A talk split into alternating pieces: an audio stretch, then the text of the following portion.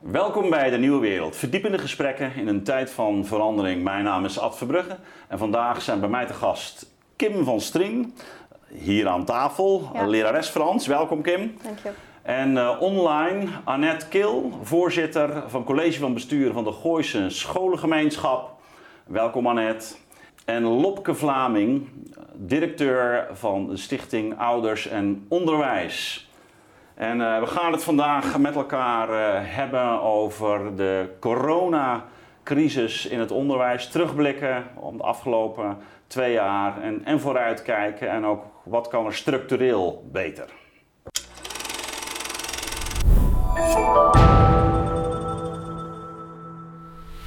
Goed, welkom. Ja, dankjewel. Ja. Ehm, Kim, jij bent eh, hier aan tafel, dus ik ga met jou beginnen. Ja, dat is Hoe, goed. hoe, eh, hoe is het jou vergaan de afgelopen 2,5 jaar? Jij bent eh, Ja. voortgezet onderwijs. We hebben de, de andere sectoren wel zo'n beetje besproken. Dus Ja. voortgezet onderwijs, hoe, hoe is het gegaan? Ja, vermoeiend. Het is echt het ongelooflijk wat we de afgelopen tijd allemaal hebben, hebben gedaan. En heel frustrerend ook. Hè. Het ene moment zit je ineens met z'n allen achter een scherm. Ja. En nou ja, ik ben voor de klas gegaan omdat ik heel graag met kinderen wil werken. En achter zo'n scherm, dat heeft toch niet hetzelfde effect? Nou, vond je het zelf ook heftig? Want Ja, we heel horen erg. heel veel natuurlijk over de, de leerlingen die Ja. het zo zwaar hebben. Nou ja, en terecht, maar ik vond het zelf ook heel heftig. En in het begin dachten we allemaal, nou ja, oké, een paar weekjes, dat is prima. Ja. En dan ga je al creatieve dingen bedenken. Maar op een gegeven moment was ik zelf als docent ook heel erg door mijn creatieve ideeën heen. Dat ik op een gegeven moment dacht, hoe krijg ik het nu voor elkaar? En je, je bleef gewoon zitten met die leerlingen die ja, weinig deden, niet vooruit te branden waren. En, eh, dus dat schoot ook niet op. Kijk, en op een gegeven moment mochten we weer wel naar school, niet naar school. Eh, halve klasse, hele klasse, wel mondkapjes, geen mondkapjes. Nou, noem het allemaal maar op. Het is gewoon super hectisch geweest voor, voor iedereen in het onderwijs. Hè? Voor schoolleiders, voor leerlingen, voor docenten, voor ouders, voor conciërges, noem het op. Ja. Nou, er is denk ik wel langzaam een eh, consensus eh, ontstaan dat ehm, een lockdown toch ook wel een grote prijs eh, heeft binnen het Zeker. onderwijs. Dat is ook een van de redenen geweest waarom eigenlijk de, de, de sector nu open nou ja, gehouden is. Althans, jullie zijn natuurlijk wel weer eerder eh, opgehouden rond kerst, maar we, we hebben de lockdown niet, niet verlengd. En dat heeft alles te maken met wat er zo afgelopen jaren, eh, of ja, denk ik zeker dit jaar, ook naar buiten is eh, gekomen. En laat ik eh, dan toch naar Annette, Annette Kil gaan. Ehm, eh, Annette, jij runt ehm, een aantal scholen, verschi- verschillende segmenten ook, van VMBO tot en met gym- gymnasium. Eh, wat, is, wat is jouw eh, nou ja, kijk op, op de afgelopen periode? Hoe, wat hebben jullie, wat heb jij gezien? Nou, wat ik allereerst zou willen benoemen is dat ik ontzettend veel eh, inzet, betrokkenheid, bevlogenheid, eh, ongelooflijk veel uren extra werk van collega's heb gezien. Leraren die meebewogen met iedere nieuwe richtlijn en eigenlijk zonder, nou ja, noemenswaardige weerstand, eh, direct weer aan de slag gingen in het belang van al die leerlingen. Dus eh, ja, dat is denk ik iets wat ehm, alle lof verdient omdat die sector in een hele korte tijd een gigaprestatie heeft geleverd in mijn beleving. Ehm, en wat verder opviel, eh, het meest in het oog springende, is toch, denk ik, hoe relevant de interactie tussen leerlingen onderling, leerling en collega's, de schoolgemeenschap als gemeenschap is. En hoezeer dat het mentale welbevinden van leerlingen heeft beïnvloed eh, toen ze niet die fysieke eh, schoolgemeenschap mochten ervaren. Dat Ja. zijn voor mij de twee grootste, eh, nou ja, de, de, zeg maar de meest opvallende aangelegenheden van de afgelopen anderhalf jaar. Ja, he- heeft, heeft jou dat verrast en heb je ook zeg maar, verschillen gezien tussen eh, ehm, eh, nou ja, ook de verschillende typen on- onderwijs? Of, of is het toch meer een kwestie van type leerling? Beide, denk ik. Wij hebben eh, internationale schakelklas en ook praktijkonderwijs. En dan VMBO vanaf basis tot en met kader. En dan eh MAVO, HAVO, VWO, Technasia. Dus dat zijn echt verschillende schoolsoorten. Waar ook verschillende type leerlingen eh, les krijgen. En we hebben vooral in de eerste periode gezien dat met name onze ISK-leerlingen extra zorg behoefden. De praktijkleerlingen extra ondersteuning nodig hadden. Maar ook heel veel leerlingen in de andere schooltypen eh, gewoon op weg geholpen moesten worden. Zowel met hun executieve vaardigheden als nou, gewoon met de, zeg maar, het, het, online geconcentreerd volgen van hun lessen. Dus er is van meet af aan heel veel zorg geweest voor heel veel extra leerlingen. Ja, oké, nou dan kunnen we daar ook nog even wat, wat nader op ingaan. Eerst naar Lopke.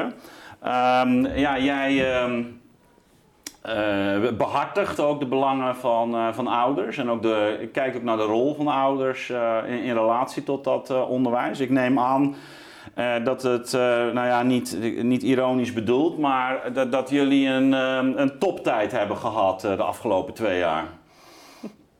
Een toptijd voor ouders zou ik het misschien niet per se willen zeggen. Maar nee, maar je begrijpt als ik had het over jouw stichting. Ik neem aan dat veel ouders ook soms misschien ook ten einde raad zich tot jullie gewend hebben? We hadden in ieder geval genoeg te doen, dus zeker weten. En het was natuurlijk in die zin heftig voor ouders ook, ja, voor iedereen in het onderwijs, maar ook zeker voor ouders. En ook, ja, die waren, kregen in één keer een taak toebedeeld hè, in het onderwijs. Dus in PO echt als, bijna als, als thuisleraren en leraressen. In het VO misschien toch meer op een iets grotere achtergrond. Maar ja, ouders die waren ineens nodig om het onderwijs draaiende te houden. En dat, dat heeft denk ik best wel veel gedaan in in de relatie tussen ouders en school, hoe ouders naar school kijken. En het heeft ook wel veel gevraagd. En in eerste plaats zou ik zeggen van, voor, ja, voor leerlingen. Hè, die hebben het gewoon echt wel pittig gehad. En in het begin hadden we dat misschien nog niet helemaal zo door. Maar dat is toch wel steeds meer echt gaan doordringen van ja, dit is echt heftig. En niet alleen omdat je misschien uh, een beetje leerachterstand oploopt, maar vooral omdat het mentaal pittig is. En dat hebben ouders natuurlijk ook gezien bij hun kinderen. En vaak in situaties waarin ze daar zelf niet superveel aan konden veranderen. Omdat ja, voor ouders, die moeten natuurlijk ook gewoon werken. En die probeerden alle eindjes, uh, alle ballen in de lucht eigenlijk te houden. En zagen ook wel dat dat pittig voor hun kinderen was. Dus ik denk dat we daar ook, uh, ja, daar hebben ook veel ouders over gesproken. Ja, wat, wat, wat, wat, wat, waar, waar zijn ouders zo mee uh, naar buiten gekomen? Wat, wat, wat hoorde je zoal? Zeg maar, waar, waar liepen ze tegenaan? Waar het gaat om ja, problemen met hun kinderen? Nou, waar wij heel veel voor gebeld worden is telkens als er een, als er een hele regeling kwam met allerlei details of in protocollen vastgelegd of hoe het allemaal moest.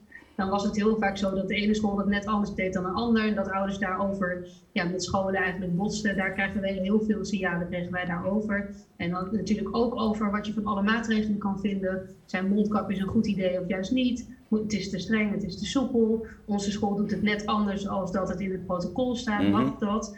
Daar hebben we het heel druk mee gehad. Maar ook wel uh, ja, inderdaad de, de, de, zorgen over het mentale welbevinden van kinderen. En ook wel um, ja, gewoon de, de, de leerachterstanden. En, en, en ook dat ouders konden toch een beetje vanuit de woonkamer meekijken met hun kinderen naar hoe dat onderwijs vorm kreeg. Zagen grote verschillen soms ook tussen scholen, maar ook tussen leraren. En daar hebben we ook wel eens veel vragen over gehad. Van ja, wat, hoe is dat, zit dat nou? En kan ik me daar, mag ik me daar uh, tegenaan bemoeien? Kan ik daar iets van vinden? Dus in die zin kregen ouders ook een uniek inkijkje in het onderwijs. Ja. Um, als het dan gaat om die, uh, die mentale problemen, hè, Annette refereerde er ook al even um, aan. Uh, hoe heb jij dat ervaren bij, bij leerlingen? Wat, wat zag jij zoal? Nou ja, je had natuurlijk heel veel leerlingen die zaten ineens thuis. En thuis is niet voor iedereen een fijne plek, zeg maar. Uh, dus, dus dat merkte je. Je merkte dat kinderen heel erg afvlakten eigenlijk in hun emoties. Hè. Hoe langer alles duurde, uh, hoe meer dat op begon te vallen. Afvlakken? Ja, soort onverschilligheid. Soort onverschilligheid, gelatenheid. De, ik, ik, heb nu ook kinderen bijvoorbeeld in 4 HAVO die allemaal zitten. Ja, het maakt me eigenlijk allemaal niet uit. En ja, ach, dan, dan blijf ik maar zitten. Ja, en ja. Ik, uh, dat heb ik echt nog nooit... Een soort lamlendigheid of ja, zo. Ik heb nooit zo heftig gehad als nu. Ja. En uh, ik denk dat begin dit schooljaar was het nog erger dan nu. Want ik heb zoiets van, we zijn nu al een paar maanden bezig. We hebben echt wel weer opnieuw moeten soort van leren... hoe gaan we eigenlijk normaal naar school met elkaar. Ja. Dus ik ben ook heel blij dat zeg maar, die week voor de kerstvakantie... dat dat uh, die ene week is gebleven. En dat we niet, niet nog langer. Niet nog langer.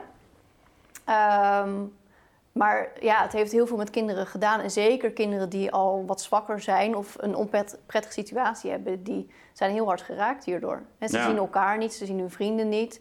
En sommigen hebben echt wel ja, in zo'n soort isolatie gezeten met zichzelf en ja. hun ouders. Ja, ja, ik heb me er uh, al vrij snel erg druk om gemaakt. Ook wel in, in, in de media me daarover uitgesproken. Omdat ik heb enigszins probeerde te verplaatsen in wat het voor mij zou hebben betekend wanneer ja. ik op 15, 16-jarige leeftijd uh, hiermee zou zijn geconfronteerd. Ja. En uh, ik, ik, daar had ik al vrij snel door dat dat uh, vrij desastreuze gevolgen had. Dat ik me waarschijnlijk sowieso er niet aan, aan alle andere maatregelen zou hebben gehouden. Ja. Maar ook dat, dat je natuurlijk echt ja, die, die hele ritmiek, wat, wat voor mij heel belangrijk was, maar ook nog steeds is, van dat dagelijks naar school gaan. Hè, en, en gewoon huiswerk. En ook als je het niet doet. dus ik, ik zei altijd, voor mij was de meest efficiënte manier om, um, om naar school te gaan, was gewoon maar te doen wat, wat, uh, wat ik aan huiswerk moest doen. Anders kreeg ik alleen maar meer last en dan kreeg je strafwerk, want zo ging dat ja, in, in, in, die periode. Dus ik werd ook een beetje tegen die eigen, laten we zeggen, ongedisciplineerdheid ja. be beschermd. maar Annette, herken jij dat nou, dat beeld wat, wat Kim hier neerzet? En, en, en um, ja, wat, wat, wat voor... Um, laten we zeggen, wat, voor, wat effecten vielen jou nog meer op? Nee, laat ik vooropstellen dat ik erg herken wat Kim zegt. Uh, wij hebben inderdaad uh, uh, kwetsbare leerlingen van meet af aan gehad. Wat me daarbij ook opviel was dat we voor sommige leerlingen ook daadwerkelijk devices moesten regelen thuis, internetaansluitingen hebben geregeld in samenwerking met de gemeente, omdat dat niet vanzelfsprekend was. Dus er was zeker in de eerste golf ook heel veel materiële gebreken um, voordat je alles daadwerkelijk online hebt. Uh, en tegelijkertijd hebben wij eigenlijk vanaf de eerste golf kwetsbare leerlingen uh, de gelegenheid gegeven om naar school te blijven komen. Uh, maar tegelijkertijd ook collega's de ruimte geboden om daar eigen keuzes in te maken. Want um, nou, collega's, er zijn verschillende soorten collega's geweest. Sommigen die zich onveilig voelden en die moeten dan ook gewoon zelfs in termen van fysiek onderwijs maatwerkafspraken kunnen maken omtrent thuiswerken en dergelijke. Maar er waren ook uh, veel jonge collega's die op 30 vierkante meter drie hoog achter zaten en gek werden en de muur op zich af zijn gekomen, die heel graag in een lokaal les wilden geven met een digibord, et cetera, et cetera. Dus we hebben van af aan geprobeerd om niet alleen leerlingen uh, te bewilligen in hun individuele behoeftes, maar dat ook voor collega's te doen. En dat allemaal uiteraard binnen de richtlijnen zoals die toen golden. Uh, dus ja, ik, ik, ik, herken het op alle vlakken, zowel bij leerlingen als bij, uh, bij collega's. Ja, want wat, uh, overigens wel goed om te weten, ik, ik, ik was me niet geheel bewust van de speelruimte die daar kennelijk toch nog bestond. Dus jullie hebben wel bewust daar ook beleid op gemaakt. dus dat je zorgde voor die fysieke toegankelijkheid van de schoolgebouwen ook bijvoorbeeld, ja. voor, voor een bepaalde groep. Dus dan, ja, er is van meter van ruimte geweest voor kwetsbare leerlingen. En wij hebben heel erg aan de afweging van de professionals, dus de leraren en schoolleiders in samenspraak, uh, met respect ook voor uh, de veiligheidsgevoelens van leraren, uh, dat per school aan de professionals gelaten. En je zag vrij snel dat kwetsbare leerlingen daar heel graag gebruik van wilden maken en dat scholen dat zelf aanboden op een manier die voor hen haalbaar en werkbaar was. En uh, er zijn scholen geweest die in de eerste lockdown helemaal dicht waren en dat uh, zeg maar online regelden. En er zijn scholen geweest die van meet af aan leerlingen naar school hebben laten komen, uh, omdat het voor die leerlingen noodzakelijk was. Ja. En ik ben eigenlijk wel heel trots op de manier hoe ze dat gedaan hebben. Ja, ehm, maar dan toch nog eventjes over die, die schaduwzijde van de maatregelen. Wat, wat, wat zag jij ook bij die leerlingen bijvoorbeeld? De effecten van lockdowns? varieerde heel erg. Er waren kinderen die uh, uh, heel erg floreerden onder die lockdowns, die, heel erg tot hun recht kwamen en heel blij waren ja. dat ze in de rust zonder prikkels thuis konden zitten en ja, daarbij juist beter gingen presteren. Die waren er ook.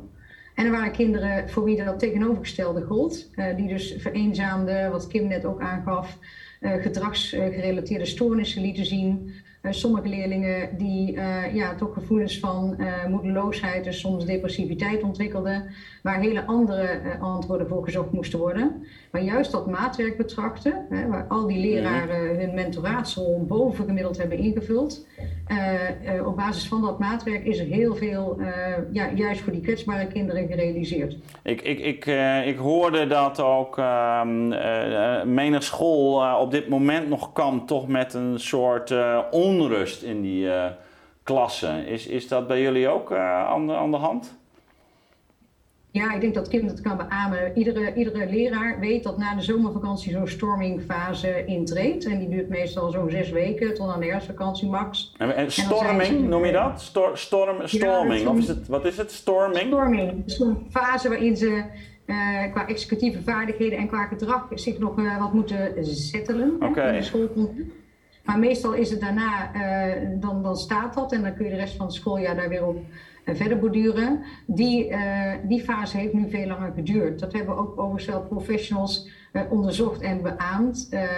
en er is ook een vrij grote groep leerlingen die nu nog in deze tijd heel veel moeite heeft met concentratie, met zichzelf aanzetten tot die executieve vaardigheden nog steeds onvoldoende hebben ontwikkeld. En daar maken ook heel veel leraren zich met name zorgen over. Ja, ja. ja, dus dat is op het moment dat het blijft duren, is dat ook echt wel een probleem voor de ontwikkeling. Dan, dan krijg je dus echt, echt een soort chronische concentratieproblemen, uh, onvoldoende discipline, uh, nou ja, of lamlendigheid of juist agressiviteit, gewoon drukte. Je, je niet aan het werk kunnen krijgen of zo. Dat, dat, dat is dat storming. Ja. Ja, ja en, gedragsgerelateerd, uh, uh, nou ja, hier en daar problematieken. Hè? Dus leerlingen die kortere lontjes hebben, die sneller geïrriteerd zijn, uh, makkelijker tot opstootjes komen. In de trappenhuizen, nou ja, zaken gebeuren die voorheen niet gebeurden. dus dat je echt ziet in het gedrag van jongeren, ja, dat ze, dat ze op geen enkele manier uh, gezetteld zijn zoals ze in het verleden in deze fase van ja. het schooljaar wel gezetteld waren. Dus ja, het, ja, dat is echt uh, dat is merkbaar. Ja, het spreekt ook allemaal niet voor zich hè, dat mensen uh, uiteindelijk goed in hun vel komen te zitten en hun draai kunnen vinden in sociale omgevingen. Daar had je ook vroeger al opvoeding voor nodig en dat wordt natuurlijk bemoeilijkt wanneer die fysieke omgeving zo, zo verandert. Herken jij, Lopke, herken, herken jij dat beeld van, van storming? Is, is dat iets wat bij... Ja? Ja, het is volgens mij iets wat vooral als term in het onderwijs uh, wordt gebruikt. Dus, uh, dus dat is niet denk ik wat ouders per se herkennen, maar wel dat het met hun kinderen niet goed gaat. Hè? Ja. Het is ik uh, heel erg wat net zegt. Er, zijn, er is een kleine groep helemaal opgebloeid in die lockdown. Want die, we moeten niet vergeten dat school is voor sommige kinderen echt, een, echt moeilijk. Hè? Om zich in die sociale omgeving te handhaven. En nou, die, die, komen, die komen thuis beter tot hun recht. Maar het grootste deel is toch heel erg gebaat bij schoolomgeving, bij sociale contacten, bij je vrienden kunnen zien. Um, dus ouders zien wel bij hun kinderen dat het mentaal niet goed gaat. En dat ze, nou ja, dat ze misschien wat somberder zijn, of uh, juist wat, uh, wat agressiever, of wat opstandiger. Of ja, nou ja, misschien juist dat hele lamlendige. Dus dat herkennen ouders wel. Niet per se misschien dat ze dat vanuit de schoolcontext kunnen plaatsen, maar wel dat ze dat zien. En uh, wat wij nu ook steeds meer uh, wel horen, zijn ook echt veel ouders die zich zorgen maken over leerachterstanden. Al wordt daar soms wat bagatelliserend over gedaan. Er zijn natuurlijk nu kinderen die examen gaan doen, die op het VMBO, die uh, van, de vier, van de vier schooljaren er drie ja. met corona te maken hebben gehad. En dat is toch ook wel echt zorgelijk. Dus die twee kanten. Ja, ja. Ja, misschien uh, Annette, gaan jullie daar structureel ook iets aan doen? Aan, uh, aan die, ik, bedoel, ik heb ook begrepen dat uh, het ministerie toch niet van plan is om de, om de eisen uh, dit jaar naar beneden te doen. ik kan me wel voorstellen dat je, dat je toch iets, nou ja, in ieder geval toch te maken hebt met, met een wel uitzonderlijk voor, voortraject. En dus moet proberen dat op de een of andere manier of te compenseren door bijlessen of... Um, uh, ja, extra, tijd die er in uh, leerlingen op wat voor manier dan ook wordt gestoken, kleinere klassen. Bedoel, is dat iets wat, wat, wat, wat, wat jullie nu extra aanvatten? Zeker. Um, overigens zijn de, de uh, examenregelingen iets wat verruimd. En ik begrijp dat er ook nog discussie is mede naar aanleiding van het standpunt van LAX over een mogelijke duimregeling. Dus het is nog niet helemaal rond, maar uh, er ligt in ieder geval al wel een besluit met iets wat meer verruiming dan uh, in de pre-COVID-periode. Dat is één. tweede is dat de NPO-middelen door heel veel scholen en ook door de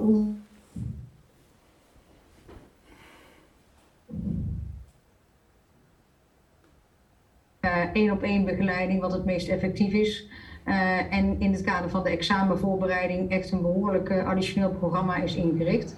Om juist nou ja, eigenlijk zoveel mogelijk te voorkomen dat deze leerlingen gedupeerd zijn door het gemankeerde onderwijs wat ze twee jaar hebben gekregen. Dat herken ik zeer. Ja, ja, ja, ja. dus dat is, dat is waar die NPO-gelden dan nu ook, ook echt uitdrukkelijk voor, voor worden aangewend.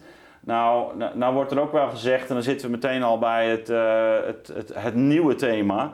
Ehm, ja, er wordt vooral met heel veel geld gestrooid.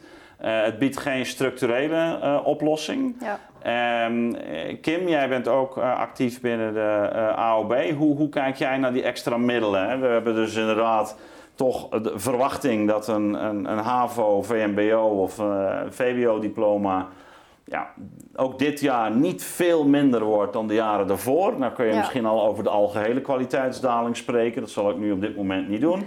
Maar ehm, ja, het, is, het, mag duidelijk zijn, en Lopke snijdt het al aan, dat, dat natuurlijk die leerlingen die ja, de afgelopen jaren in, in deze omstandigheden hebben gezeten, althans de meeste daarvan, uh, ja, toch een, een, minder voortraject hebben, hebben gehad. Dus hoe, hoe, um, hoe, kijk je, hoe kijken jullie uh, aan tegen nou ja, de besteding van die middelen en, en kun je dat op dit, dit, dit moment op een effectieve manier doen?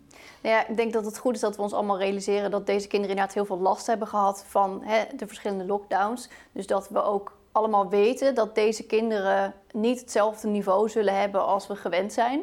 Dat is voor jou wel al een uitgangspunt. Nou, kijk, ik denk dat dat wel iets is waar we gewoon rekening mee moeten houden. Je kan niet van die kinderen verwachten dat hun, hun ontwikkeling hetzelfde is. Je kunt niet doen alsof er niks is gebeurd. Nee, precies. Weet je, we weten allemaal, we hebben uh, een baggerperiode en we zitten er nog in. En iedereen heeft er last van. En deze jongeren hebben gewoon onwijs veel last van in hun ontwikkeling. En nou, de overheid heeft gezegd, nou jongens, onderwijs, hier heb je 8,5 miljard. Doe er maar wat moois mee. Het moet wel binnen twee jaar op. Nou ja, ik, ik, nou, ik vind het klots tegen de, de plinten bij jullie. Ja, precies. En dan, dan, dan ben je dus schoolleider en dan hoor je ineens... ik heb een miljoen dat ik uit moet geven. Wow, het is heel veel geld waar het om gaat. En het is natuurlijk heel naïef om te denken dat je dat in twee jaar goed in kan zetten... en dat het helpt voor alle kinderen en dat alles ineens is opgelost. Want zo werkt het natuurlijk niet. er wordt al gezegd, nou, maak je kleinere klassen. Oké, vind ik echt, mhm. daar ben ik heel erg voorstander van. Maar heb je ook meer leraren nodig. Ja. ja. Die, eh, die trommel trek je niet zo makkelijk open. Nee, ik wou net zeggen. Dus uh, dan denk ik, ja, lekker is dat. Ja, dan kan je zeggen, nou ja, maar dan ga je uh, andere mensen inzetten. Of, uh, nou ja, zeg het maar, bijlessen. Of commerciële bureaus en inhuren. dat is dus inderdaad het gevolg. Dat hoor je heel veel commerciële nu, bureaus zeggen, oh jongens, dat geld, ik heb hier, dit kan ik voor je uitrollen. Betaal je twee keer en... zoveel voor, de, voor, een, voor een leraar. Ja, precies. Ja. En dat is volgens mij ook niet helemaal de bedoeling. En uiteindelijk ga je dan volgens mij voorbij aan het doel van je wil die kinderen uh, het onderwijs geven waar ze recht op hebben, wat ze verdienen. Uh, maar met dus heel even in een korte tijd heel veel geld het onderwijs in te pompen, los je uiteindelijk niks op. Hè, voor deze kinderen misschien kan je een heel klein beetje bijschaven. Ja, maar, dat is wel nu de, de, de inzet. Hoe, hoeveel herstelwerk kun je doen? Hoe effectief uh, is dat? Nou ja, dat hangt denk ik vanaf op welke manier je dat inricht. Op het moment dat je kiest voor kleinere klassen, uh, heb je kwalitatief mogelijk beter onderwijs. Mhm. Maar wat we ook heel veel zien gebeuren is dat heel veel bijlessen worden ingehuurd, huiselijke begeleiding. En dan, dan verwacht je dus dat kinderen naast hun reguliere lesdag daarna nog een uur extra zitten elke dag. Kan je dat van die kinderen vragen? In deze tijd, met hè, rekening houdend met de tijd die ze achter de rug hebben.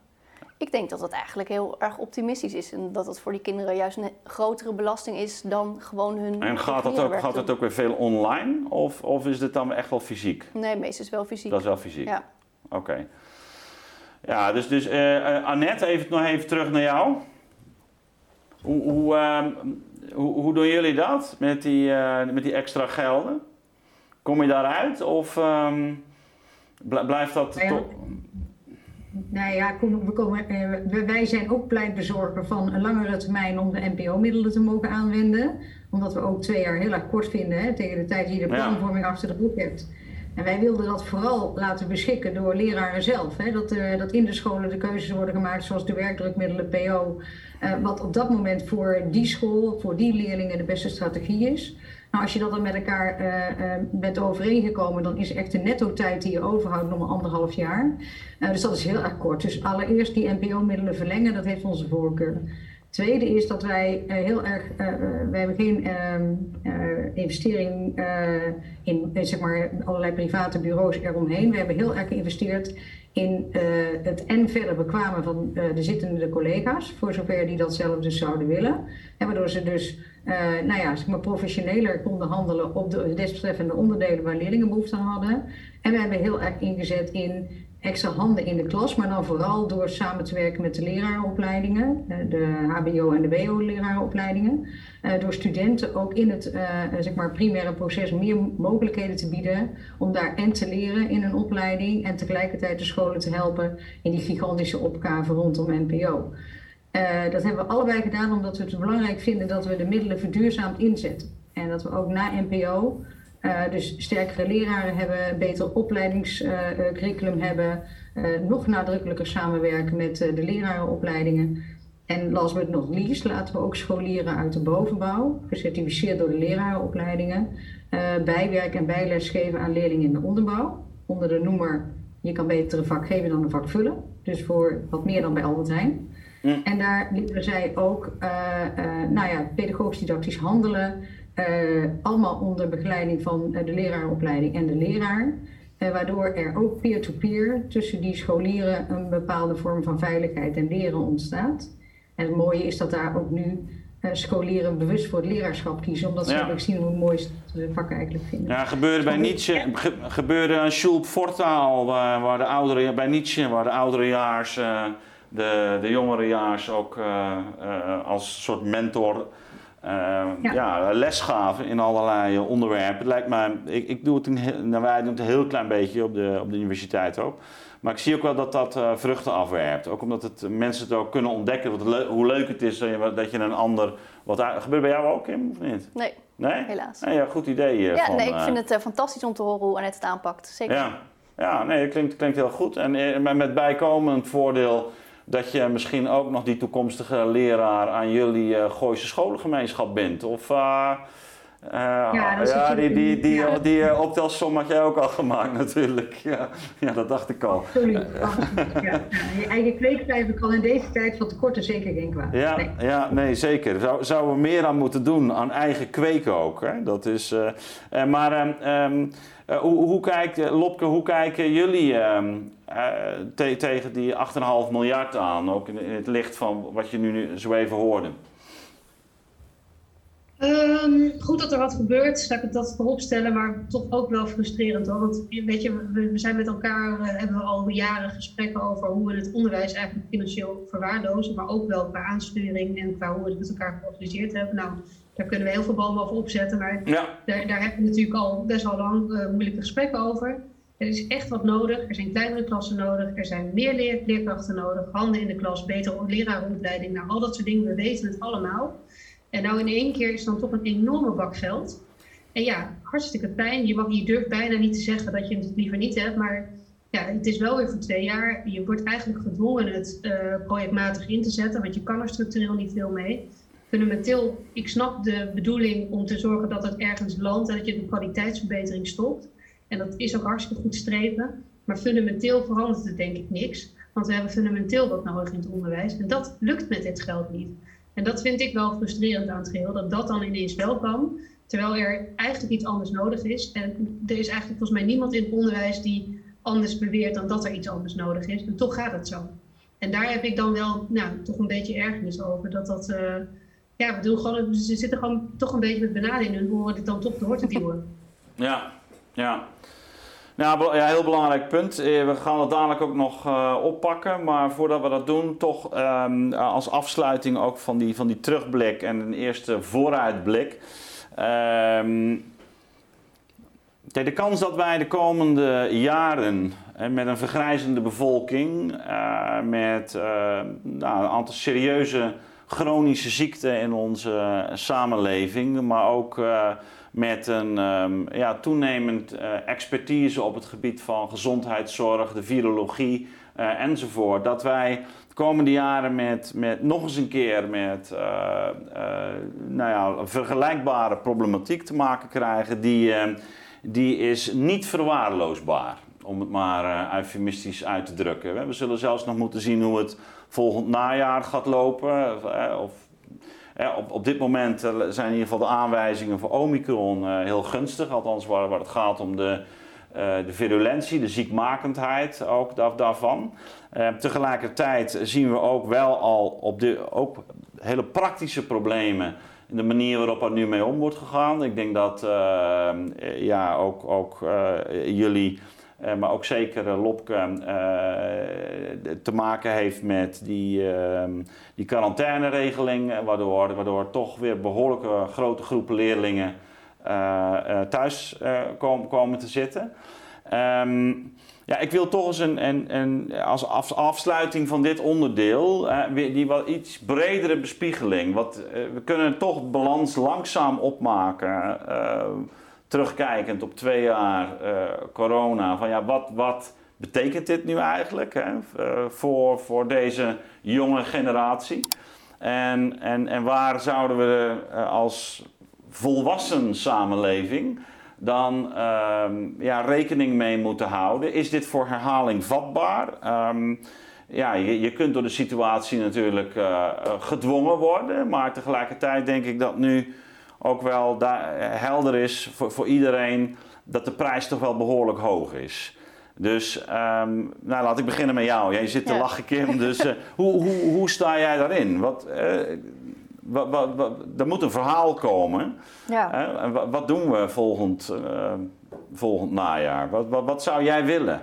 Nou ja, het liefst natuurlijk de scholen open houden. Want we weten allemaal inmiddels hoe belangrijk gewoon echt fysiek onderwijs is. dat is gewoon de beste vorm van onderwijs. Gewoon in die klaslokaal, met leerlingen, met die docent. Dan, dan heb je gewoon het beste onderwijs. Uh, ja, en tegelijkertijd wordt natuurlijk gezegd, jullie zijn de grote verspreiders. Althans, ja, nou, nou, niet iedereen, hè, maar... hè? Klopt.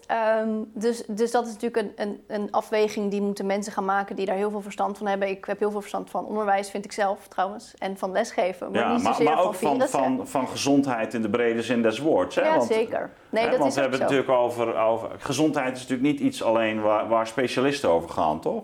Nee, we hebben het wel over bepaalde type gezondheid en ziekte. maar... Precies, dus hè, over ziektes en virussen, daar weet ik niet zo heel veel van. Maar als je naar het overal kijkt, dan is fysiek onderwijs het beste. En uh, dan, dan denk ik ook dat we daarin moeten investeren. En we willen keuzes maken. Nou, willen we dus zorgen dat het onderwijs open blijft, zijn er een aantal dingen waar we volgens mij aan moeten voldoen. En dan komt toch heel even de vakbondsvrouw in mij. Uh, we, hebben mag, het al, we hebben het al heel lang over ventilatie. En dat dat op heel veel scholen allemaal niet in orde is. was Maurice de Hond, toch? Die uh, twee jaar geleden daarmee kwam. Precies. Dus de ventilatie. Precies. Weet je, en dan denk ik, dat soort dingen hadden al lang op orde moeten zijn. En we weten dat al heel lang. We weten ook dat het op, uh, op sommige scholen hartstikke goed is, maar op een hoop scholen ook niet. Dat was al gezonde, gezonde leefomgeving, dat is heel, heel, heel praktisch. Dat is altijd heel belangrijk. Als het zomer is en het is 30 graden, dan wil je ook niet in een bloedheet lokaal zitten. Maar we zitten daar wel. En kinderen zitten daar heel de dag. En ik zit daar heel de dag. Ja, ja, dat kan iets bijdragen volgens mij aan het uh, zo lang mogelijk open houden van je scholen. Ja. Ja, nee, maar het gaat er natuurlijk ook om dat er een maatschappelijk bewustzijn ontstaat. En volgens mij is, is, nou ja, hè, gesprekken zoals deze, maar ook um, ja, allerlei andere uitingen in de publieke ruimte hebben natuurlijk te maken met uh, ja, precies dat bewustwordingsproces. Van, uh, je, je bent natuurlijk altijd toch ook aan het afwegen, het een ten opzichte van het, van, van het ander. Uh, Annette, uh, had jij dit verwacht? Hè? Dus als je gewoon kijkt nu naar um, de, de, de, de, gevolgen die zo'n lockdown heeft gehad, had je dat enigszins voorzien? En als je terugkijkt, wat zou jouw boodschap dan zijn, ook met het oog op de toekomst? Uh, ja, nou voorzien had ik het zeker niet. Ik begon op 15 maart of uh, zoiets uh, om en nabij 2020 aan een dagboek, omdat ik dacht, dan kunnen alle collega's in de Gooise Scholenfederatie meelezen wat we doen. Dan heeft iedereen dezelfde informatiepositie, met human interest erin, opengesteld voor alle medewerkers en, en, en, leerlingen. En nou ja, je aan het dagboek, dan denk je over drie weken hebben we historische periode met elkaar meegemaakt. En ik geloof dat ik momenteel ongeveer op bladzijde 1500 ben beland. Dus uh, nee, dat had ik niet verwacht. Anders was ik er niet aan begonnen. Ja. Uh, dat is één. En het tweede, um, ja, ik, ik, je kunt op twee manieren terugkijken. En vervolgens ook met dat wat je geleerd hebt vooruitkijken. Um, we hebben, denk ik, uh, met elkaar geleerd hoe belangrijk dat fysiek onderwijs is, die sociale interactie. Um, het, het, met elkaar samen die gemeenschap zijn, wat ik al benoemde. Ja. Maar we hebben ook heel veel andere dingen geleerd. die we ook kunnen gebruiken in de toekomst. En nou, de, de meest voor de hand liggende dingen zijn natuurlijk dat je bewust van duurzaamheid, milieu en dergelijke en je eigen footprint niet per se meer alles fysiek hoeft te doen, wat ook via deze middelen prima kan. Niet lesgeven overigens, maar allerlei andere dingen in mijn beleving wel. Uh, ik was erg onder de indruk van wat ik het lerarencollectief zag doen met educational tutorials. Hè, dus die, die echt uh, de, best mogelijke instructievideo's. We weten allemaal welke goede leraren welke goede instructievideo's hebben gemaakt. Uh, die ook door andere leraren die daar minder in bekwamen zijn, gebruikt zijn.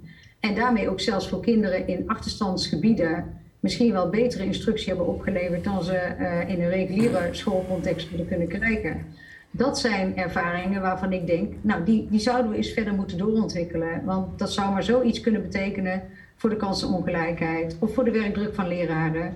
Uh, zolang leraren daar in ieder geval zelf de meerwaarde van uh, erkennen. En dat gebeurde bij het lerarencollectief. En zo zijn er meer voorbeelden in deze periode eigenlijk ontstaan. Waarvan ik met de wijsheid van vandaag zeg, die zou ik het wel eens heel graag aan de professionals willen laten om te kijken van wat kunnen we nu uh, verder mede mogelijk maken als bestuur. Hè? Want ik vind dat de professional over de inhoud en over de ontwikkeling gaat en de bestuurders over het mede mogelijk maken. Maar wat voor lessons learned, hè, om het maar eens lelijk te zeggen, zouden we dan kunnen gebruiken uh, om dat toekomstige onderwijsaanbod misschien wel te verbeteren? Ja. En dat vind ik een spannende vraag. Ja, nou ja, wat mij is opgevallen, ook uh, op de universiteit, uh, heeft natuurlijk uh, de, de, de lockdown enorme gevolgen gehad. Hè? ik denk ook nog sterker dat het nog wel eens onderschat wordt. Zo van, nou ja, dat zijn toch adolescenten, 19 jaar, zo, die moeten het allemaal wel aankunnen. Maar dat blijkt in de praktijk toch even iets anders eruit te zien. Dus ik, ik, ik denk dat wij ook al, ik, ik niet persoonlijk zozeer, maar, maar wel als, um, nou ja, als, als sector, um, toch wel erg gemakkelijk hebben gedaan dat uh, het onderwijs ook eigenlijk wel via Canvas en, en Zoom online kon worden in, ingericht. Toch, um, onvoldoende serieus hebben genomen wat voor effecten dat heeft op uh, het psychisch welzijn van jongeren, hun motivatie uh, en, enzovoort. Dus dat is naar mijn uh, indruk ook wel uh, de reden dat, dat we ze dit jaar ook uh, echt wel in mijn ogen terecht hebben geprobeerd om de universiteit gewoon eerder te openen dan dat voorgaande jaren het, het, geval was. Um, maar wat het denk ik ook duidelijk, en ik, ik ben ook wel benieuwd hoe, hoe jullie daarin staan, is dat, dat we de laatste jaren natuurlijk zien dat die, dat die digitalisering van het onderwijs uh, in volle gang is en een versnelling heeft gekregen door corona, ook de omgeving uh, waarin dat plaatsvindt.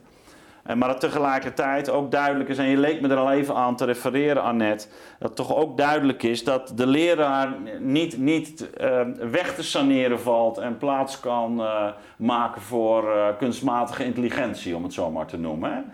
Dus dat die, dat die fysieke uh, component van onderwijs uh, ja, toch wel heel belangrijk is.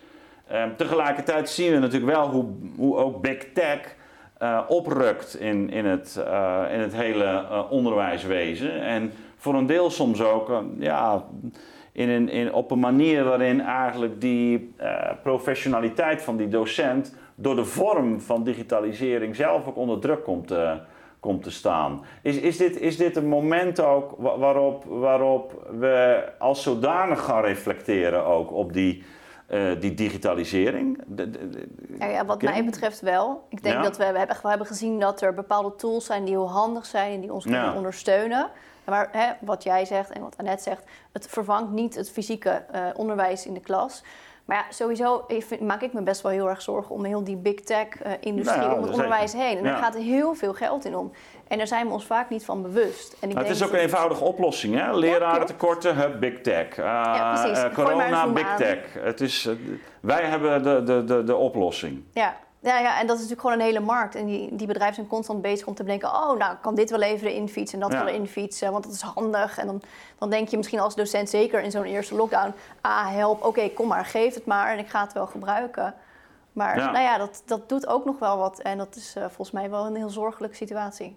Nou ja, ik heb, ik heb, ook, wel eens, ik heb ook wel eens gezegd, uh, het, het, deze crisis had überhaupt niet deze vorm kunnen aannemen zonder big tech. Ja, klopt. Ja. vroeger hadden we het ons niet eens kunnen permitteren uh, om bijvoorbeeld ons werk zo herin te richten of het onderwijs en, en, enzovoort. Dus big tech creëert ook. En naast alle verdiensten, hè, want dit is ook big tech wat we nu doen. Precies. Hè, dat, uh, laat daar geen misverstand over bestaan. Maar ik denk dat het heel belangrijk is, is om de vraag naar het goede leven en daarmee ook de politieke dimensie eigenlijk van zo'n technologie, om die wel voortdurend mee te nemen. Ja, Annette, jij wilde reageren. Ja. Nou, ik zat er doorheen te zien. Of was het, uh, was het Lopke? Ja, Lopke, ja, jij dan. Volgens mij was Lopke, ja. Ja. Ja, het is moeilijk het woord nemen als je niet aan tafel zit, maar ik doe het toch maar even. Nee, wat ik wel nog wel wilde toevoegen is, eh, wat ik een beetje problematisch aan die digitaliseringsdiscussie vind, is dat het heel erg uh, lijkt alsof digitalisering soms het doel is. Hè? En mhm. digitalisering is een middel om misschien je onderwijs te verbeteren. En waar wij, volgens mij is er, is er een soort valkuil dat wij top-down met verbeteragenda, toekomstgericht digitaliseringsonderwijs via het ministerie, de raden en de besturen de scholen induwen. En het vervolgens op het bordje van de leraar neerleggen en zeggen van nou succes ermee. Uh, digitalisering is onze nieuwe doelstelling. En zo, daar is het natuurlijk niet voor bedoeld. Het is een middel om je onderwijs te verbeteren. En dat betekent dus ook dat het iets moet zijn waarvan leraren zeggen: dit versterkt mijn onderwijs. Hier kan ik wat mee, dit helpt mijn leerlingen verder. En dat is er natuurlijk helemaal niet zo heel veel mis mee. Maar dat top-down erin duwen van die digitaliseringsagenda, daar heb ik wel echt moeite mee. Ja, ja. Annette, um hoe, hoe ervaar jij die, uh, nou ja, dat, dat oprukkende uh, tech-geweld? Nou, laat ik vooropstellen, um, ik, ben, ik ben het met jullie allemaal heel erg eens dat de professional zelf gaat over hoe die professie moet worden ingericht en hoe je dat vak dus ook op zijn best mogelijke manier doseert. En dat je uh, onderscheid moet maken tussen die professionele afweging enerzijds en die ruimte die je daar laat. En dat wat er voor nodig is om die professional te bewilligen anderzijds. Um, wij, uh, binnen onze federatie hadden we op een gegeven moment een natuurlijke situatie dat een ICT-manager gepensioneerd raakte en die hebben we niet vervangen. met drie leraren ICT en didactiek de ruimte gegeven om zelf hun onderwijs te ontwerpen op een manier, dus met collega's peer-to-peer, uh, op een zodanige wijze dat dat ook de leraar echt in diensten staat. En dat heeft hele mooie opbrengsten. En die leraren, uh, die drie leraren, die um, zijn dus eigenlijk vraagmaker voor collega's geworden. Uh, laten in andere scholen zien wat ze bedacht hebben en ontwikkeld hebben. nemen de GMR mee in hun ideeën, et cetera, et cetera. En dan zie je dus dat er iets in die professie gebeurt.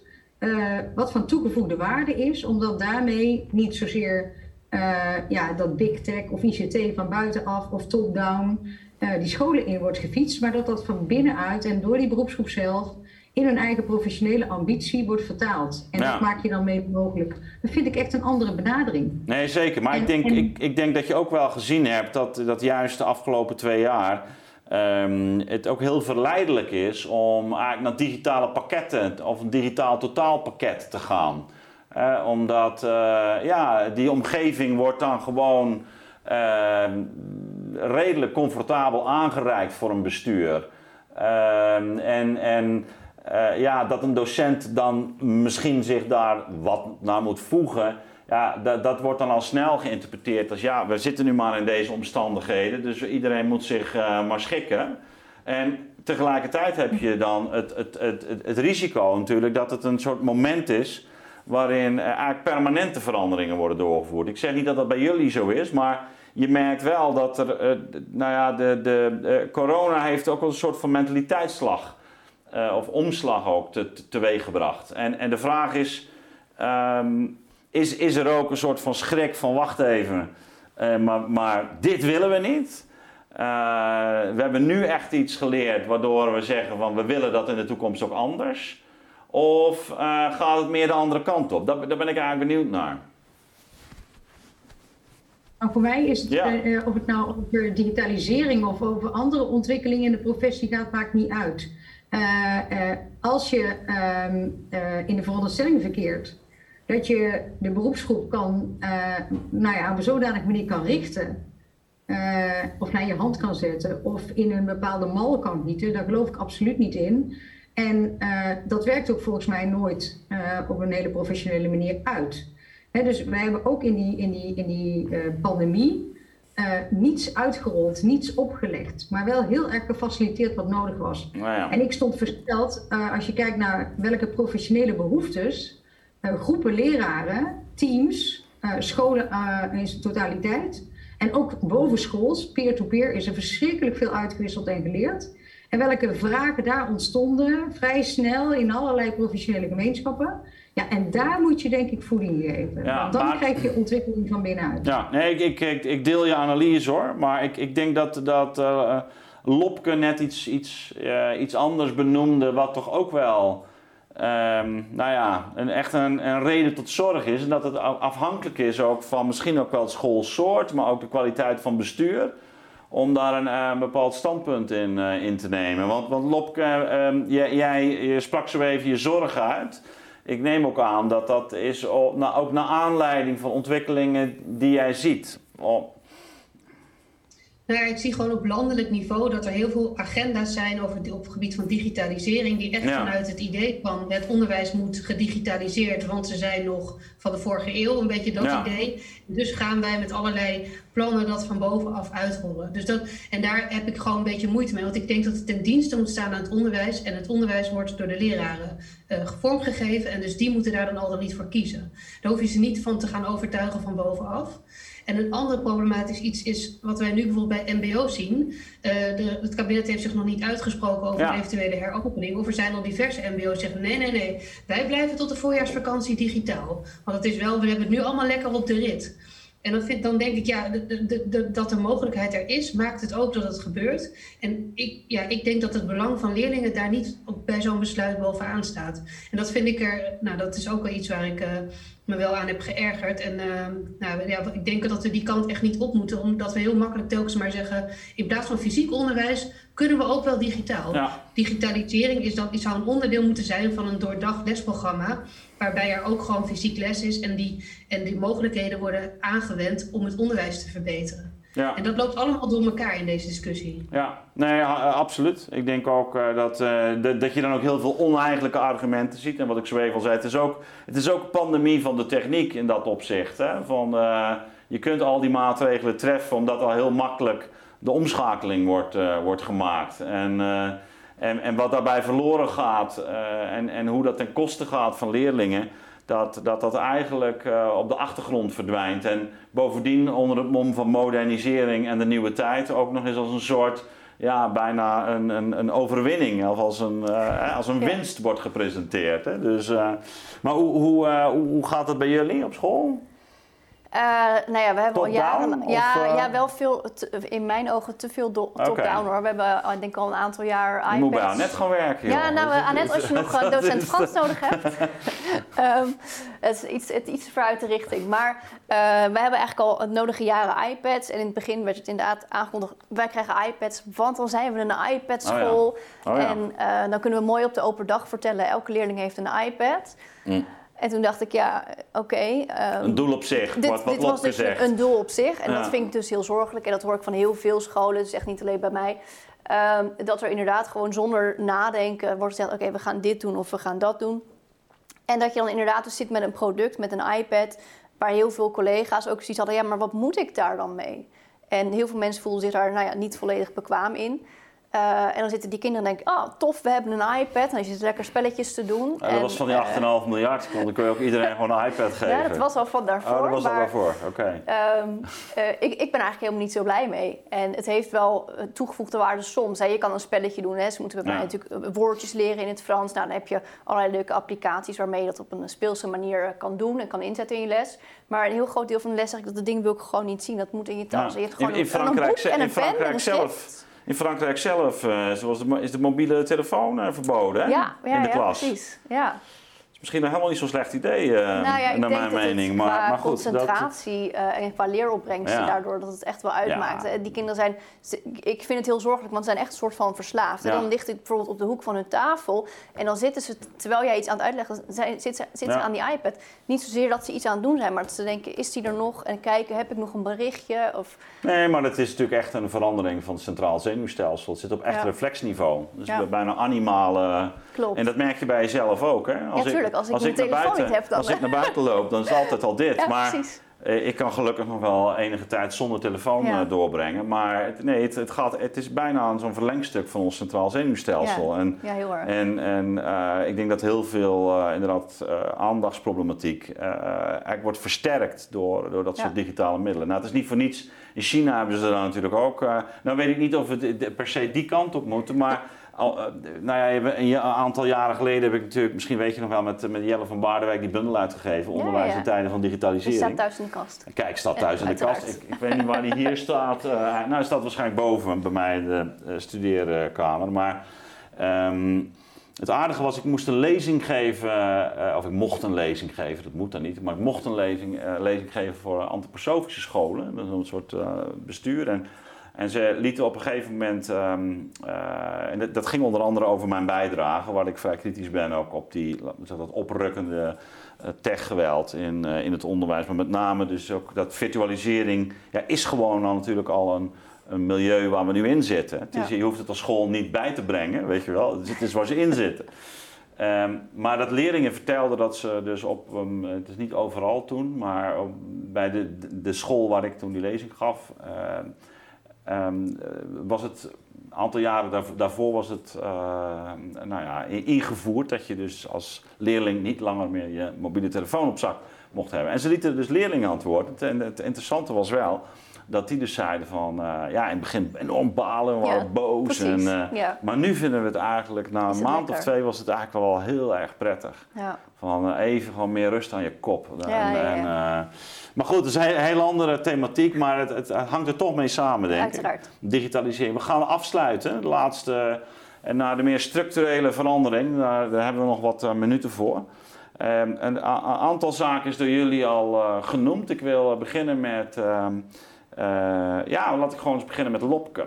Uh, uh, Lopke, je hebt al, al wat zaken benoemd zo even. ook waar het gaat om die besteding van die, van die middelen. Maar nu meer de structurele verandering. Waar, waar zou jij het, ook met het kabinet is nu toch aan het inventariseren. Wat, zou, wat geef jij ze mee vanuit ouders en onderwijs?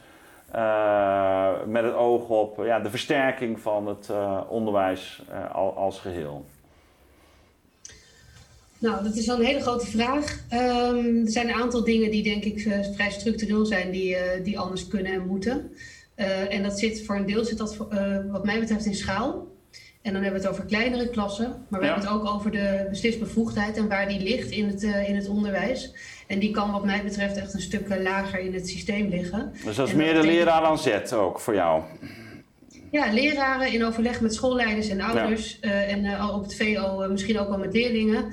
Uh, kijken wat er in de situatie in de klas nodig is. En ook zorgen dat daar veel meer te vertellen is. Mm -hmm. We hebben toch best wel veel uh, weggeorganiseerd uh, nou, naar grote ja. besturen. Waarbij het, waardoor het zicht vaak kwijt is over wat er in de klas gebeurt. En die afstand gewoon groot is. Dat horen we ook veel van ouders. Ze kennen de mensen gewoon niet meer die verantwoordelijk zijn voor het onderwijs aan hun kinderen. Ja. En dat vind ik een slechte ontwikkeling. Dus daar, ik denk dat we daar echt fundamenteel naar moeten kijken.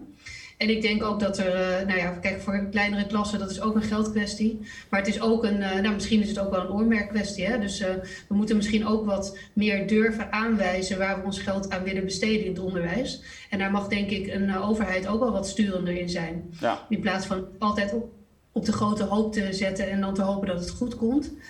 ik denk dat we fundamenteel moeten praten over hoe er geconcurreerd wordt in het onderwijs.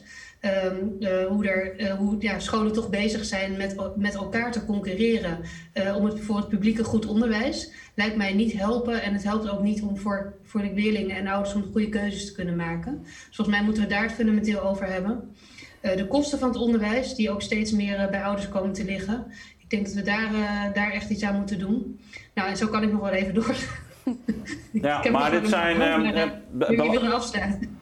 Nee, dat is uh, misschien dat er uh, voor de ander ook nog wat over, uh, over kan blijven. Maar ik denk, ik, denk heel herkenbare thema's. je, je weet, ik ben natuurlijk zelf voorzitter van Beter Onderwijs Nederland. Wij, wij maken ons al sinds onze oprichting druk over onder andere de, de positie van de, van de leraar binnen de organisatie, maar ook de besteding van de middelen.